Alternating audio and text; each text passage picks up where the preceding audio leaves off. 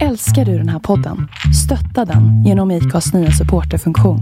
Det är helt upp till dig hur mycket du vill bidra med och det finns ingen bindningstid. Klicka på länken i poddbeskrivningen för att visa din uppskattning och stötta podden.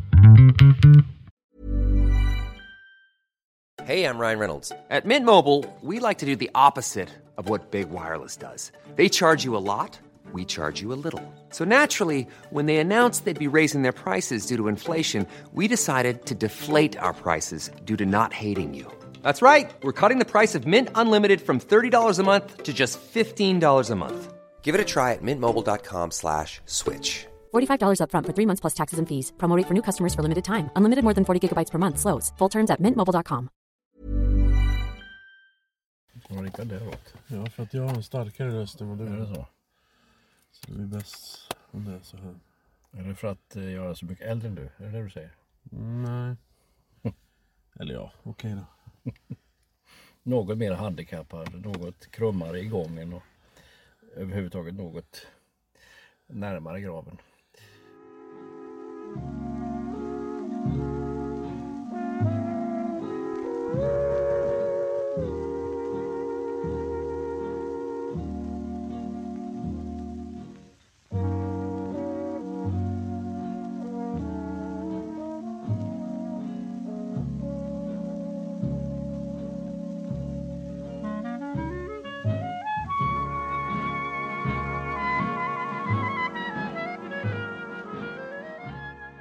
Beskriv vad du ser Tony. En brygga och en eh, sjö. I bryggan finns det en fem båtar. Och hela området är täckt av vass. Mm.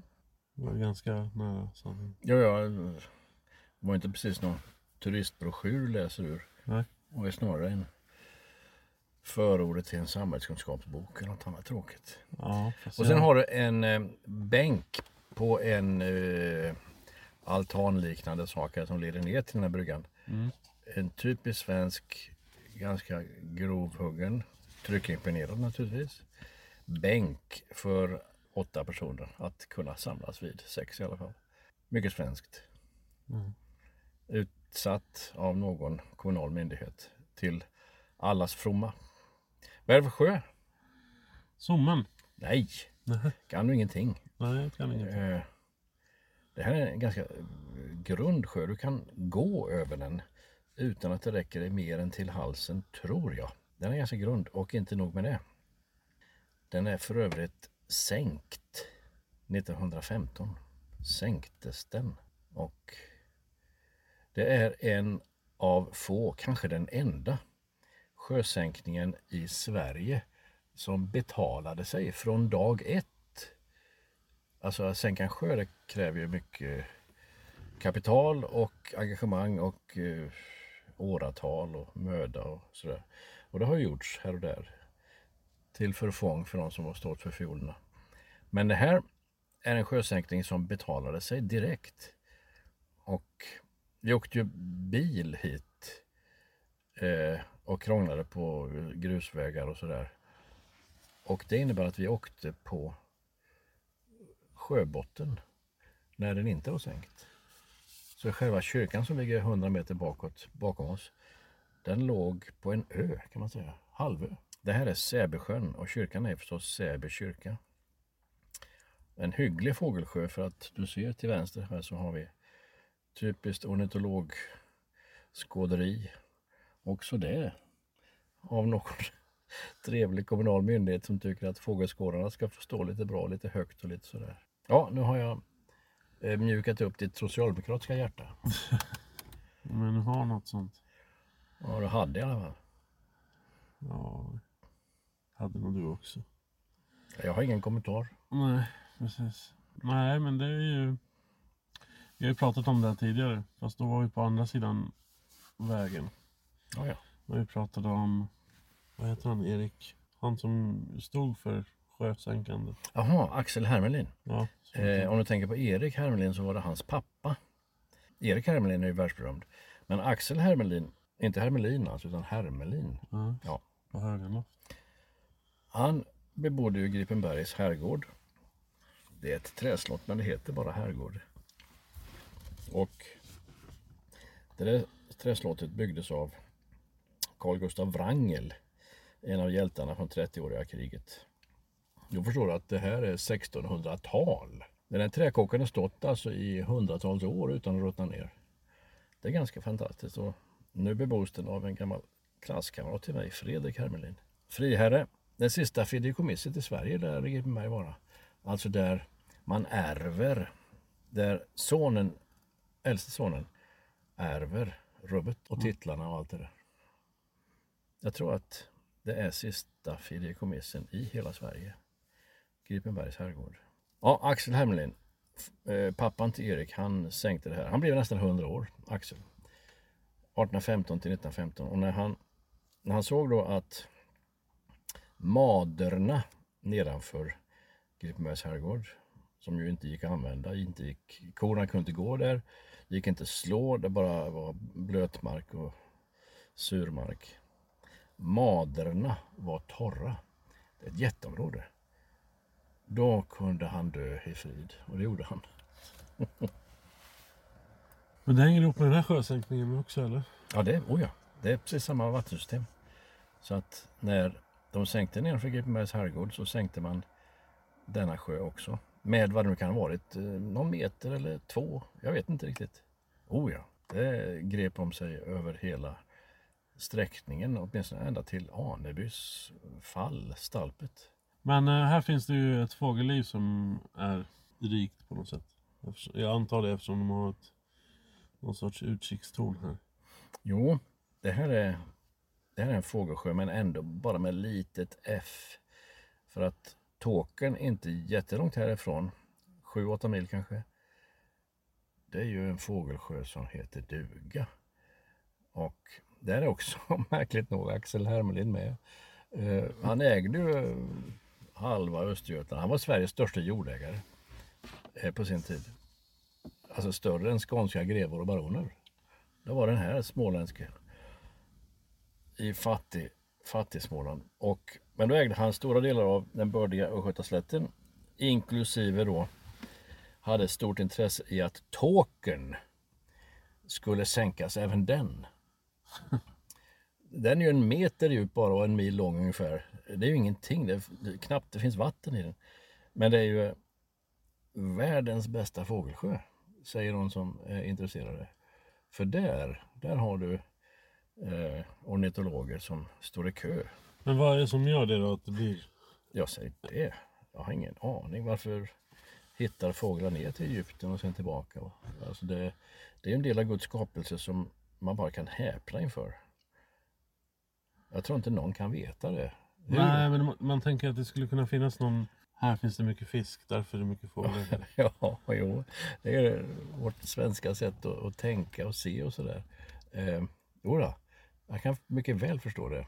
Att man tänker proviant och tillgång på mat och allt det där. Va? Om jag får gissa eller vara lite konspiratoriskt lagd så tror jag att det har att göra med hur fåglarna orienterar sig med magnetfält. Det är ju någonting jag inte har en aning om, men jag skulle kunna tänka mig att för att komma till samma ställe så har man inte precis en GPS. Ja, men det var bra förra året. Nu åker vi dit igen. Utan de vet vart de ska därför att något säger det. Mm.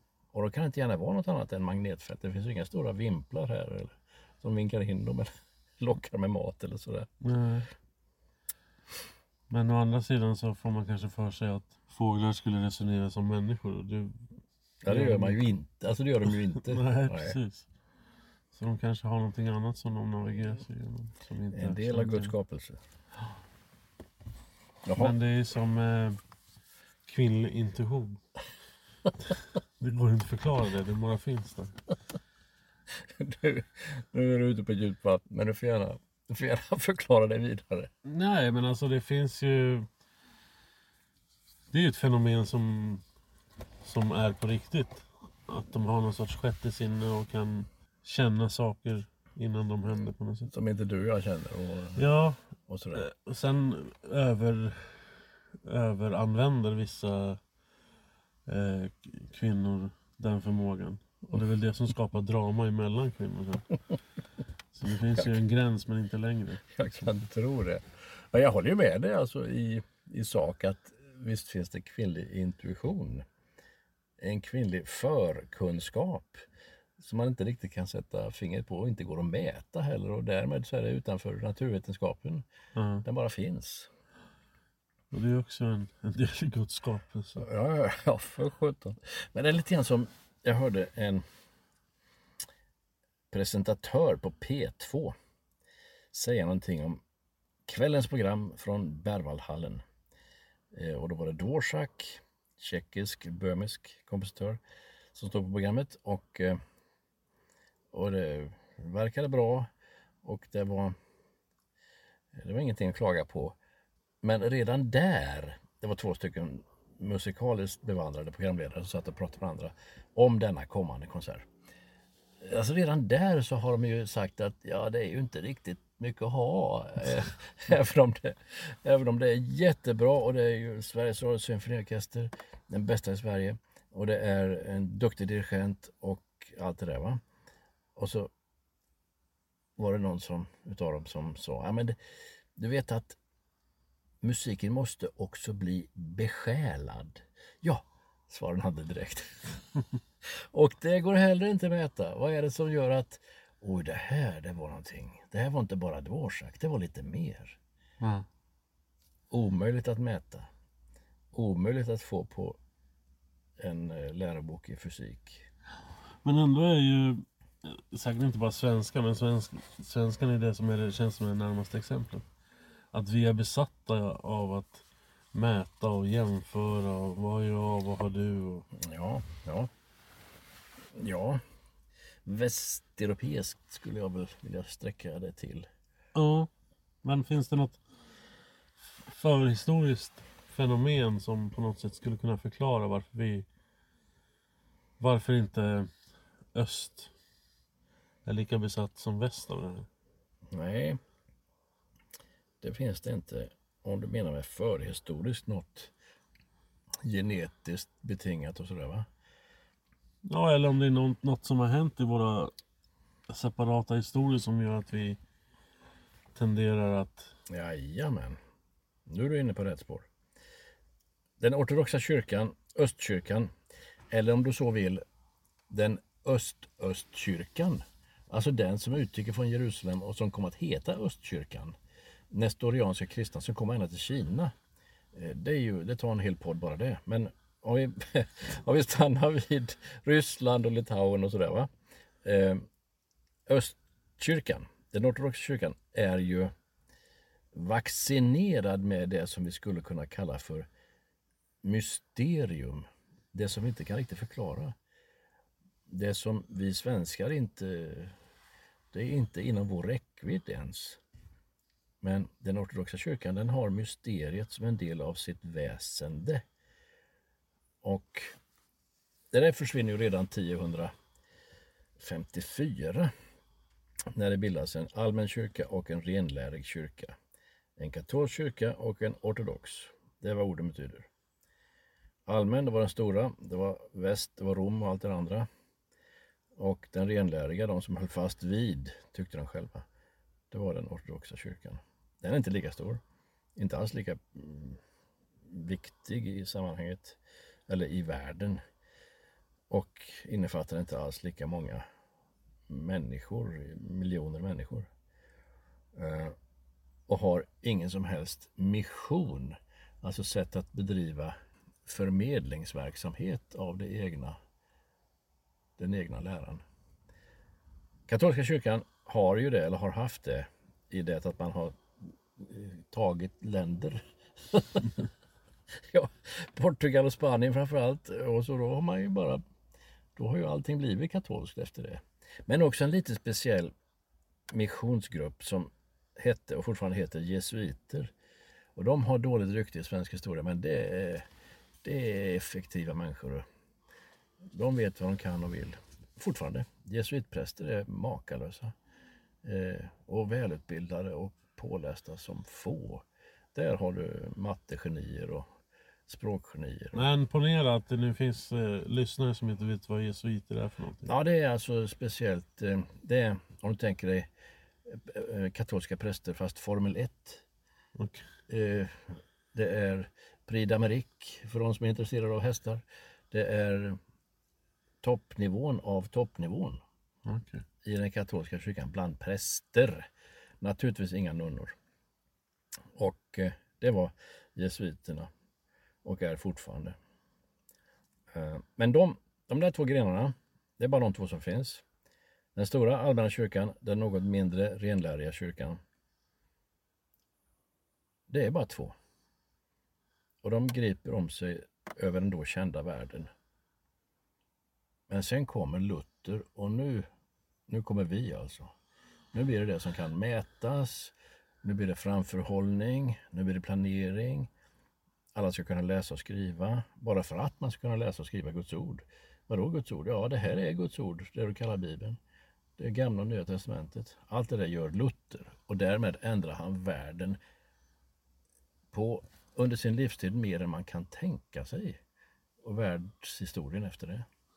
Men hur lyckas han med det? För det är ju ingen liten sak han gör liksom. Nej, men han lyckas ju inte med det utan det är en effekt av det han lyckas med. Han ändrar ju bara där han bor. I eh, norra halvan av, av Tyskland. Alltså den som då allt sedan dess har varit den protestantiska delen av Tyskland. Hela Östtyskland till exempel. Den södra delen är ju fortfarande rätt så katolsk. Även om Tyskland då har både och överallt. Men den södra delen är den övervägande katolska delen. Hela Österrike är naturligtvis katolskt. Jo, jo men alltså generellt alltså det... Han, han eh, har ju ändå en idé om vad han vill förändra. Ja, han vill ju bara... Oh ja! Och att våga det i den... Ja, Men alltså förändra. Han vill, ju, han vill ju göra om den katolska kyrkan. Det är därför det heter reformera. Göra om. Reformera. Han vill inte starta en ny. Nej, nej, men ändå. Det är en Men det är vad han kraftig gör. förändring. Ja, ja, ja. Och han läser Romarbrevet. Och den, vadå, det har ju funnits tillgänglig hela tiden. Ja, men han läser den och plötsligt får han se vad det står. Rättfärdiggörelse genom tro. Inget annat. Jag tror på Gud och rättfärdiggörelsen. Min juridiska position i relation till universums herre, universums skapare, Gud i himlen. Den står och faller med att jag tror på det han har gjort, det vill säga det hans son har gjort, det vill säga på Golgata.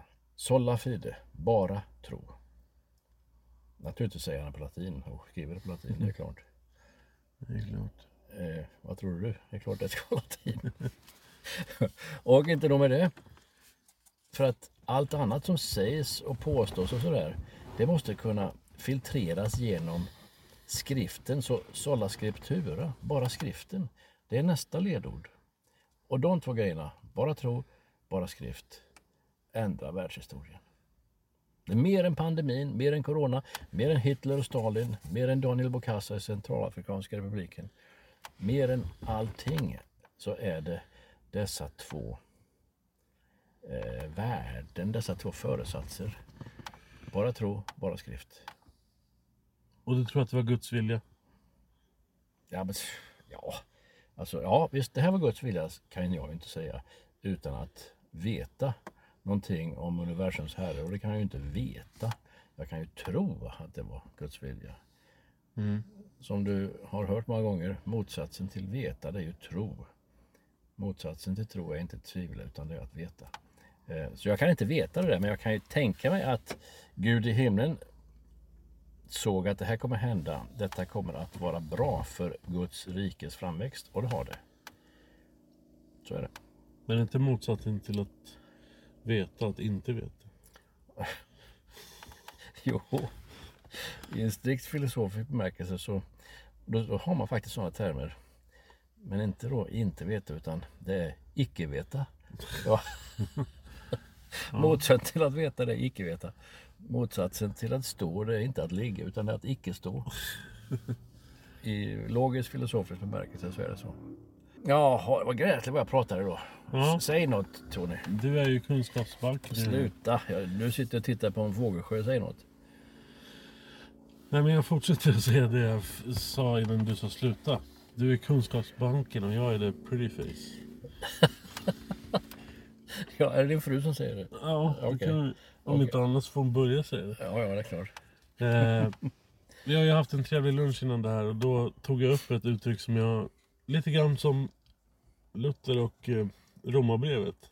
Ja, ja. Jag har, jag har läst och sett det men inte tänkt på vad det egentligen är. Och det är ju det här med att vara givmild i Gud. Mm. Det, och du hade ju en, en eh, språklig förklaring som, som nästan dumförklarade det jag hade tänkt mig. Inte alls. Men eh, rent språkligt så betyder ju är alltså, i, igenom. ja. sa du. eh, den grekiska prepositionen en som då betyder i. Eh, den kan, den betyder i alltså. Eh, vi- vi bor i Tranås, vi sitter i bilen. Allt det där va? Inget konstigt. Men i Kristus har vi det och det. I Stefan Löfvens regering eh, har vi fått och så vidare. Men då är det inte plötsligt en geografisk position i, som i bilen. Utan då är det genom Stefan Löfvens regering har vi blivit välsignade med. Och du hör hur jag smörar för Socialdemokraterna nu va? Alltså i, då blir det genom eller tack vare också. Och det är inte alls konstigt. Så i, vad var det du sa? I givmildhet. Ge, ja, i... Nej, givmild i Gud. Ja, ja, så var det. Och eh, då, om man nu inte känner till det här språkliga så kan man ju lätt tro att man ska vara givmild mot Gud. Så, att, Eller- han- så att han får någonting med det. Ja, att... att eh, ja, så kan man säga. Men egentligen så betyder det att man ska genom det man har fått av Gud. Gud, vara givmild mot andra. Och då är det helt den där tack vare eller genom eller Ja. på grund av. Ja. Men det är ju krångligt, krångligt liksom. Det är ju lätt att missförstå det. Ja, Finns ja, det liksom inte anledning att ja. Ändra översättningen ja, förenkla generellt? Det finns ju mycket i Bibeln som är som är lite, knasigt. ja, som är lite svårt att förstå. Ja, om man ja. inte är duktig på svenska. Ja, du behöver inte vara duktig på svenska. Det, eh, Eller grekiska. ja, inte ens det. Ta i med hebreiska också, bara för att. Nej, så för att jag tror nämligen att bibeltexten säger om sig själv, ger själv vittnesbörd om sig som är giltiga. Och då säger bibeltexten så här att Guds ord är starkare och skarpare än något tveeggat svärd. Ja, alltså ett svärd som har ägg åt båda hållen. Det kan man ju förstå. Eh, inte bara ett svärd som har ägg. Svärdsäggen är åt ena hållet, ett damaskenersvärd. Det var länge sedan jag pratade om muslimer, jag var tvungen att ta upp det. ett svärd. Damaskenersmittsvärd som på sätt och vis inte kom från Damaskus utan från Toledo i Spanien. När det var under muslimskt styre. Det där dubbelägare, dubbel, tveeggade svärdet. Det är Guds ord, säger Guds ord om sig själv. Ja. Okej. Om du håller i svärdet, äggen utåt är ju naturligtvis mot dina fiender. Men äggen inåt, den är ju mot dig. Eh, det är ingen tänk på. Alltså jag kan ju göra mig illa här om jag inte använder detta tveeggade svärd på rätt sätt. Det... Alltså det är inte så konstigt egentligen. Alltså, kan, jag, kan jag tycka i den liknelse som du precis tog upp. För att eh, det- det, ligger ju i sakens natur att Guds ord är det starkaste vi har. Det, det liksom spjutspetsen på något sätt. Ja. Så det kvittar om du använder det emot andra eller mot dig själv. Mm. Så försvinner inte innebörden. Liksom. Nej men alltså, som militärt vapen, som erövringsvapen, Ja. så är ju svärdet användbart. Mm. Och du kan ju ändra på det genom att vinkla till handen så får du den icke använda tveeggade sidan eh, jungfruligt att använda. Eh, men jag, jag håller verkligen med dig att finns Gud i himlen, har han, står han inte i något beroendesammanhang till någon annan som då skulle kunna vara Gud med lite större G. Eh, utan om Gud är Gud han har skapat allting och om detta är hans ord, det vi talar om, bland annat detta tveeggade svärd. Tacka för att det är ett hyggligt vapen. Ja, verkligen. Jag vill bara understryka att jag har haft kramp i foten de tio senaste minuterna. Tycker jag har bitit ihop rätt bra. Ja, det har du faktiskt.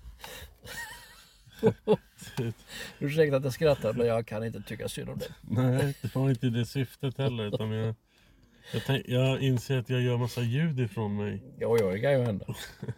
Du, alltså beskriv ytterligare den här bilden vi har framför oss nu så att eh, våra lyssnare ser det du beskriver. Ja, i din beskrivning så hade du ju målat upp en sorts platå över bryggan här. Som du kallar för altan med en liten med ett litet, med ett litet bord på. Och under tiden som vi har suttit här och pratat så är det ett, ett sött litet friluftspar som har placerat sig vid sagda bord och intar nu en något försenad lunch. Ja, och lite kaffe på det. Ja. Och det ser ganska näpet ut. Jag skulle bara kunna förstöra den här vackra bilden själv genom att som bisats lägga till de verkar vara orienterade. Ja, de har, de har verkligen de kläderna på sig. Ja. Eh, men eh, vi passerade ju en bil och ett tält här. Jag tror att det finns någon sorts koppling Ja, däremellan. oh ja, utan tvekan. Eh, men eh, jag kan eh, på något sätt eh, förstå att man väljer att, att göra så här. att sätta sig... Ja, ja, undra på det. Det är ju vackert som sjutton. Ja, Det regnar inte, det är inte jättekallt, solen lyser. Det finns faktiskt inte ett moln på himlen. nej. Eh, oh ja. Och man sätter sig, om så på en kommunalt utplacerad, lite grovt tillyxad bänk. Ja. Ja. Som finns på varje rastplats i hela Sverige. Jodå. Eh, Så det blir ju snarare frågan så här om, om det är så att det är vi som är konstiga och sitter i en bil och tittar på dem. Eller om det är de som kliver in mitt i poddinspelningen och, och käkar. Ja, men alltså de, de spelar ju sig själva. Ja. Eh, nu sitter han med sin telefon, en tråkmånsen, och så löser han, läser han på Aftonbladet eller löser något sudoku eller något annat. Hon sitter ansiktet vänt mot solen, som alla kvinnor skulle göra, dricker försiktigt lite kaffe och solar. Ja, det finns ju en risk att det är te. Ja, i det här fallet så är det nog te. Det känns som te-människor. ja, Man säger så. oh ja. Utan att fördöma någon. Nej, vi bara beskriver verkligheten, Tony. Vi, för, vi fördömer väl ingen. Nej, precis. Allra minst jag och orientering. Ja, Nej, precis. Du som dessutom har afghanbarn som har börjat ägna sig åt den här ja fy sjutton. Ingenting är sig likt. Jo, jo, jo, alltså mina afghanbarn, när de är mina, då är det att fem och sex utav dem går och spelar instrument i musikskolan. Men sen den andra tiden eh, av sin tid så är det ju min fru som har hand om eh, delar av dem. Och, Ja, men nu, nu känns det som att det tog ett steg för långt där. Kallar du din fru för orienterare? nej, nej, nej, men hon skjutsar dem till orientering och sånt där. Och det skulle jag ju hellre dö än göra. Jag kan gå över lik för att de ska komma till musikskolan, men det, sen, där går gränsen. Jag har en dotter som har börjat på ballett. Det är bra. Det är ju en värld som man inte är bekant med. Så kan man säga. Nej, men det är bra. Av flera skäl. Eh, Det, det så kan det vara bra att eh, lära känna sin kropp och veta begränsningar och veta möjligheter och allt det där. Va? Eh, rent kroppsligt så är ju då ballett bra. Eller jazzdans eller street eller modern, vad vet jag. Att röra kroppen till musik, om så till en svag liten ballett eh, symfonisk dikt. Det är bra. Det är det ena. Och sen så nästa steg är också väldigt bra. Det där, det där ska ju framföras någon gång. Mm. Och då måste de stå på scen. Och då ska det vara folk som tittar på dem. Och allt det där va? Ja, jag har ju upptäckt att det är min yngsta förmåga som har börjat dansa ballett. Hon är alltid den som är fram, orädd, bryr sig inte om någonting. Men det här är första gången som jag har sett henne försöka anpassa sig. Alltså hon tyckte att eh, eh, hon inte var tillräckligt bra för att dansa med en tjej när hon ville gå ner en, en grupp till. Och läraren sa att nej. Att eh, stanna kvar här för att du kommer utvecklas mest här. Bla, bla, bla. Eh, så att det, det blir ju en viss anspänning alltså när, när man sätts i en grupp med människor man inte känner. Man ska göra någonting som man aldrig tidigare gjort. Och sen ändå prestera på något sätt. Och framföra och visa vad man kan. Mm. Du, det här är mycket på en gång alltså. Och i de där små flickeliven, det är jättebra. Mm. Men då tänkte jag att det här skulle ge effekt i det övriga livet. Det gör det, men du behöver inte räkna på det första månaden. Nej, men hon var ju precis samma tjej då när hon kom ut därifrån. Så att Ja, ja. vill bestämma allt. Och... Nu, nu är det bara en sak som gäller för dig såsom vårdnadshavare, målsman, förälder och pappa. Nu fick jag med alla tråkiga ord, hörde? Hon får inte sluta. Har du börjat, då fortsätter du Ja. hela detta läsår och så vidare. Ja, jag ju två grabbar som spelar fotboll. Som eh, var och varannan vecka är sådär. Jag vill inte spela fotboll längre. Mm. Det måste de. Ja, absolut. Och eh, samma sak med eh, Ja men egentligen allting som de gör. Det är jättekul de två första veckorna och sen Nej men jag vill vara hemma och spela tv-spel eller jag vill göra det här eller sådär. Och eh, Det är då den eh, föräldramässiga diktaturen kommer till sin rätt. mm, Men eh, min eh, fru är ju enormt engagerad i alla de här grejerna. Ja, ja. Så att hon, eh, det finns ju inte en chans att hon viker en tum där. Nej, bra, bra, bra.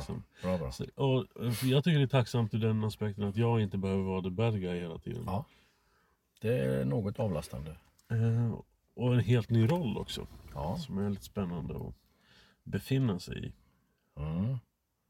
Utan tvekan. Det, jag hade en liten, en liten svårighet, ett litet hinder, en liten fnurra på tråden. Eh, en av de där afghanbarnen som då tillhör min folla, han eh, eh, var sjuk. Han hade inte varit på skolan, men det visste inte jag. Jag skulle hämta honom, jag skulle skjutsa honom till hans klarinettlektion. Men nej, han är hemma idag. Då åkte jag ju hem naturligtvis. Kom hit. Han satt och tittade på TV. Jag, jag har varit sjuk. Jag har, jag har inte varit... Ja, spelar roll. Du kan ha... Du kan spela klarinett ändå. Nej, eh, imorgon. Nej, idag, idag är det klarinettlektion. Dessutom hade två lektioner på varandra. Dels en vanlig enskild lektion och sen så en liten orkester på det. Bara med någon kvart emellan. Och nej! Och då får man ju vara lite finurlig eller snabb i huvudet. Och samtidigt som man då säger nej, nu följer du med. Men här ska du få höra. I bagagen i bilen så har jag en stor kasse med pantburkar. Okej, jag kommer.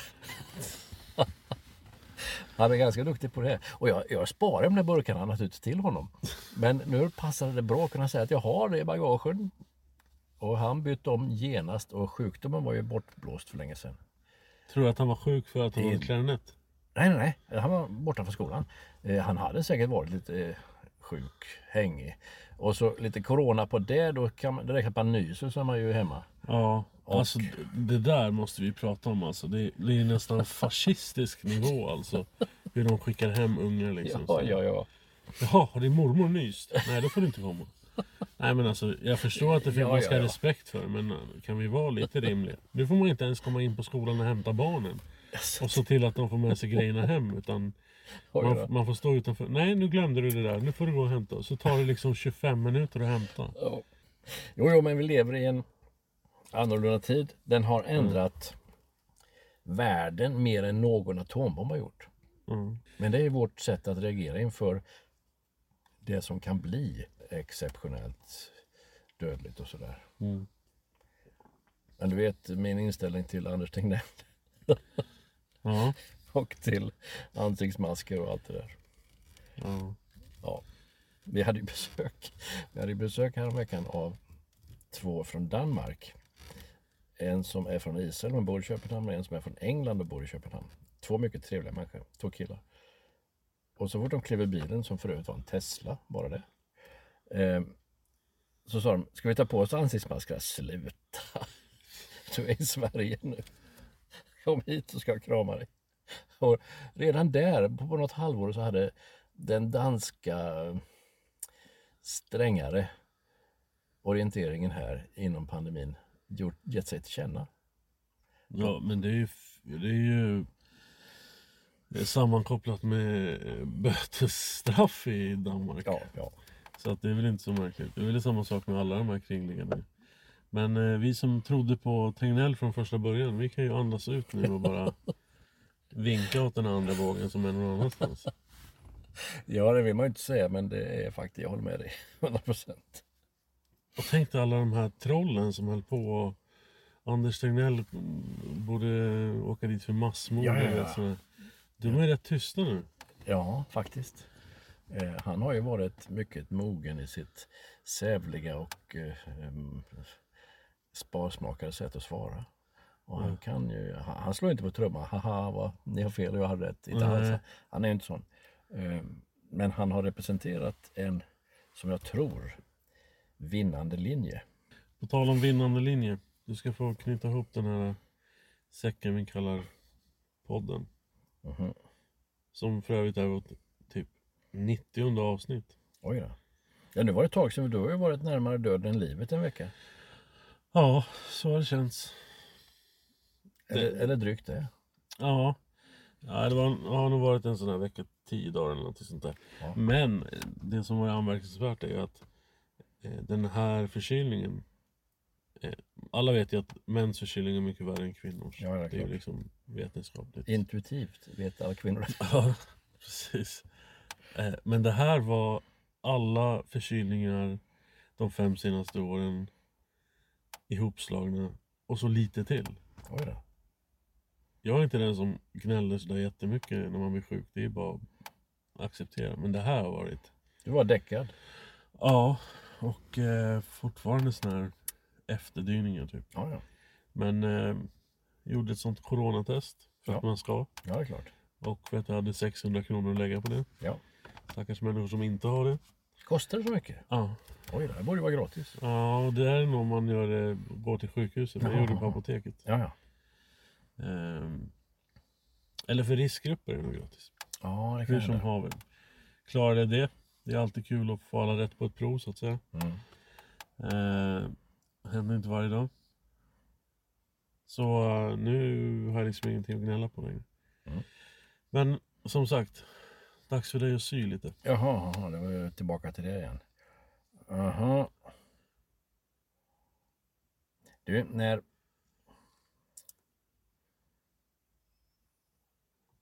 När det är mycket att släpa på. Nu tänker jag inte bara på sjösänkningen här som vi ser effekterna av. Det är ju faktiskt mer än 100 år sedan den här sjön sänktes. 1915, 1916. Uh, Nej, utan här kommer en liten historia. Det är inget citat, men det är en historia ur levande livet. Det var en liten flicka som var ute och gick med sin farmor. Taget direkt ur levande livet. Eh, och så hade hon sin docka i handen, den här lilla flickan. Och så gick de där, två, tre år gammal kanske, och, eh, och till slut så, eh, alltså, hon blir ju trött den här lilla flickan. Farmor, eh, du får bära mig. Ja, farmor hon böjer sig ner och tar upp flickan som har dockan i sin famn och så bär hon flickan och dockan. Och eh, så eh, säger hon så här lite pedagogiskt till sin lilla flicka där. Ja, nu bär jag dig och du bär dockan. Ja, Flickan svarar inte direkt utan tänker efter. Så går det ytterligare några minuter. Och så säger flickan. Nej farmor, nu orkar jag inte. Nu får du bära dockan också. Och så skickar hon över dockan i den andra famnen på farmor. Och så bär hon dockan och flickan. Så där är det med oss när det är åt skogen för jobbigt. Och vi har bördor att släppa på. Vi märker inte att Gud bär både dockan och flickan. Både mig och min börda.